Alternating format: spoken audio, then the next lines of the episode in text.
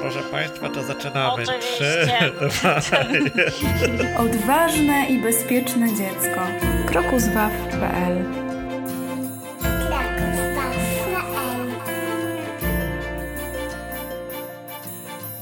Dzień dobry, witamy Państwa w naszym kolejnym podcaście. Dzień dobry.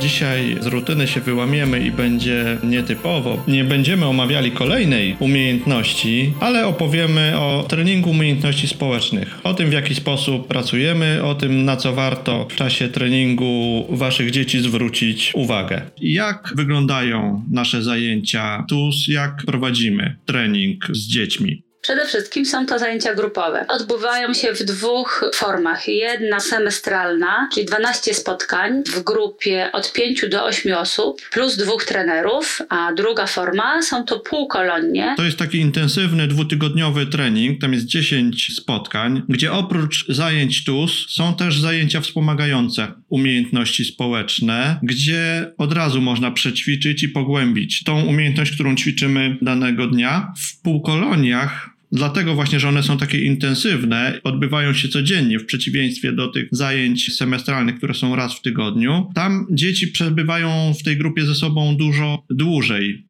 Korzystają z tego przebywania ze sobą, bo jest to praktycznie cały dzień i są naturalne interakcje między dziećmi, a pedagodzy, trenerzy są też po to, żeby zwracać na to uwagę, żeby uwypuklać te umiejętności, które były trenowane i żeby stwarzać też sytuacje w sumie naturalne, ale takie, które powodują trenowanie tych umiejętności. Chcemy też, żeby w czasie tych zajęć dzieci miały frajdę, bawiły się, poznawały się, radość z tego, że przebywają ze sobą i zdobywają nowe umiejętności też takie poczucie, że to działa. Jeżeli właśnie to przyniesie efekty w postaci dobrego wejścia w grupę treningową, to dzieci odkrywają też w sobie to, że w ich codziennym środowisku też mogą tych umiejętności używać i dzięki temu łatwiej im jest żyć tak na co dzień. Umiejętności dopasowywane są do potrzeb dzieci, które są w grupie. Nie są one przypadkowe. Najpierw jest diagnoza i sprawdzenie potrzeb, i konkretnie do rodzaju grupy dopasowywane są umiejętności, które będą ćwiczone. To, co potrzebują dzieci, czego im brakuje, w czym mają problemy.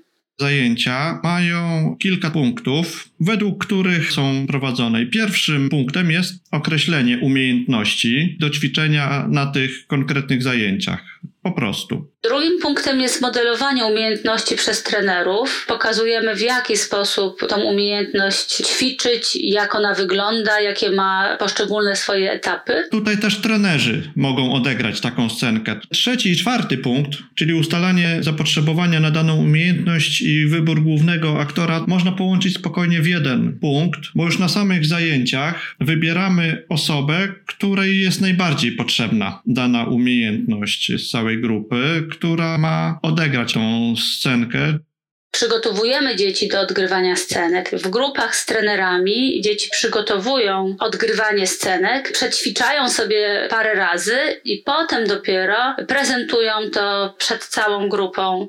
Mamy wybranego głównego aktora i w dalszym etapie albo ta osoba sobie sama dobiera, z kim chce przećwiczyć, albo proponujemy i pytamy, czy chce z tą drugą osobą odegrać scenkę Kolejnym punktem jest prowadzenie odgrywania scenek. Tu, jeżeli już jest scenka przygotowana i dzieci zaczynają odgrywać, to trenerzy też cały czas wspomagają, żeby uniknąć jakichś takich zacięć, pokazać, że wszystko idzie ok, żeby dziecko zobaczyło, że może w miarę płynnie przez tą scenkę przejść.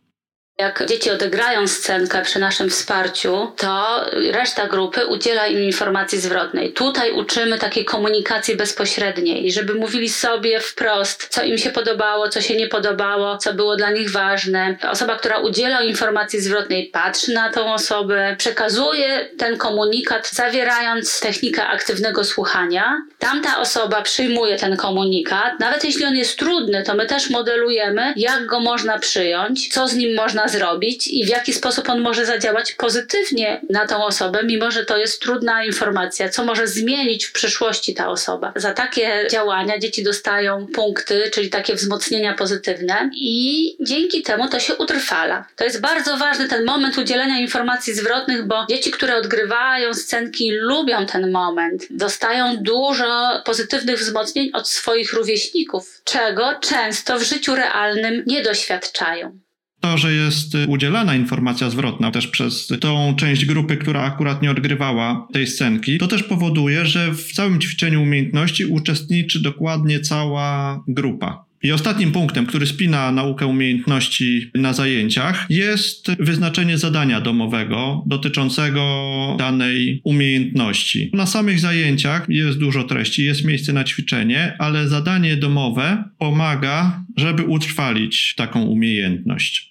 Jeden bardzo ważny filar to jest to, co się dzieje na zajęciach, odgrywanie scenek, ćwiczenie, wzmacnianie dzieci w nauce umiejętności społecznych, a drugim filarem, bardzo ważnym i niezbędnym jest praca w domu i wsparcie rodzica. Bez tych dwóch filarów dziecko nie jest w stanie się dobrze nauczyć tych umiejętności i stosować je w życiu y, codziennym. Zajęcia są skondensowane, tam jest dużo wiedzy i można je porównać do rzęsistego letniego deszczu, że tej wody jest dużo w krótkim czasie, a później w ciągu tygodnia, tu gdzie tym drugim filarem jest rodzic, to mi się kojarzy z taką ciepłą, delikatną mrzawką, która pozwala, żeby ta trawa, te rośliny powoli, ale cały czas nieustannie rosły. Przedstawiliśmy Państwu schemat, jak wyglądają zajęcia grupowe treningu umiejętności społecznych dla dzieci, jaki mają charakter, co jest ważne w tych zajęciach i, i co jest ważne dla nas jako trenerów w prowadzeniu tych zajęć. Jeżeli też by potrzebowali Państwo więcej informacji, to zapraszamy do kontaktu osobistego. Można zostawić komentarze, czy pod tym podcastem, popytać o coś, czy można się też odezwać do nas mailowo. Dziękujemy za uwagę i do zobaczenia w kolejnym podcaście. Dziękujemy i do usłyszenia i do zobaczenia.